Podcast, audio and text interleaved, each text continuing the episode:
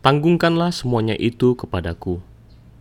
Saudara dan saudari, topik harta bagi jiwa hari ini adalah tentang tanggungkanlah semuanya itu kepadaku. Dalam surat kepada Filemon, Paulus menulis, tanggungkanlah semuanya itu kepadaku, yang merupakan kalimat yang sangat berharga.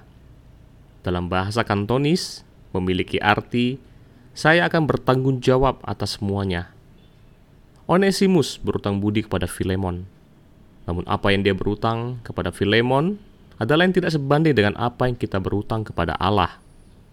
Tuhan telah sepenuhnya bertanggung jawab atas kita. Dia begitu bersemangat untuk memberi, bahkan hingga mati di kayu salib. Dia memberikan dirinya sendiri untuk kita. Ketika kita kembali kepada Tuhan, maka Bapa dan Tuhan adalah yang sangat bersuka cita.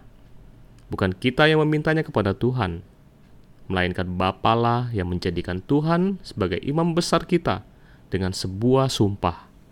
Sangatlah berharga karena Tuhan telah mengambil tanggung jawab sepenuhnya atas semua kebutuhan kita yang dalam hidup ini hingga kekal. Ayat ke-18 berbunyi, Dan kalau dia sudah merugikan engkau ataupun berhutang padamu, tanggungkanlah semuanya itu kepadaku. Sesungguhnya kita adalah yang berhutang begitu banyak.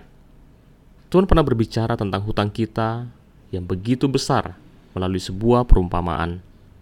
Dibandingkan dengan hutang kita kepada Tuhan, hutang Onesimus kepada Filemon tidaklah begitu besar. Tuhan meletakkan ke atas dirinya tentang semua kesalahan kita.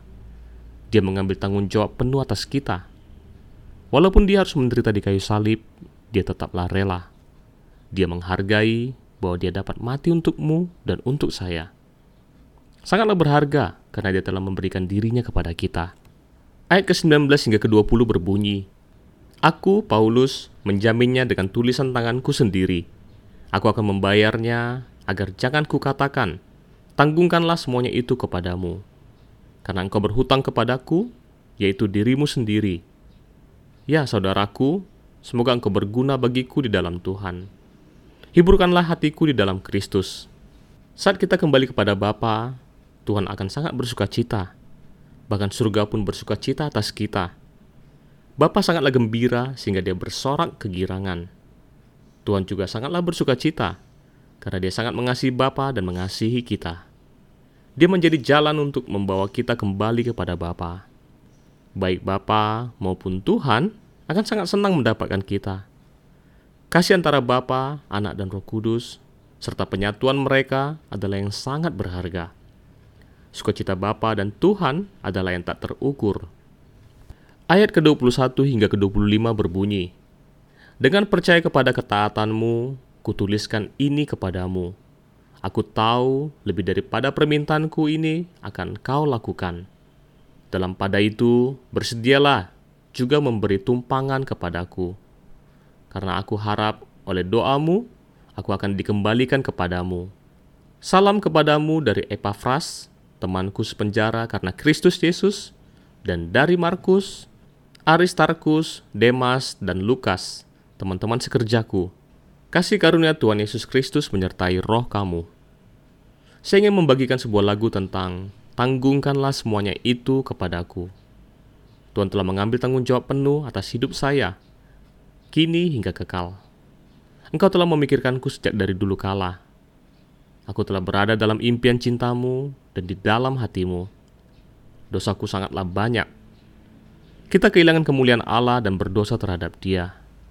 Namun, Tuhan mempersiapkan bagi kita imam besar dan pembela kita Tidaklah mungkin bagi seseorang untuk menyewa pengacara agar membela orang yang menyinggung perasaannya. Apa yang telah dilakukan oleh Bapa dan Tuhan adalah yang benar-benar membuat kita takjub. Bukanlah kita yang telah memohon agar Tuhan diutus dan menjadi imam besar kita. Namun itu adalah tekad dari Bapa untuk menjadikan Tuhan sebagai imam besar kita melalui sebuah sumpah.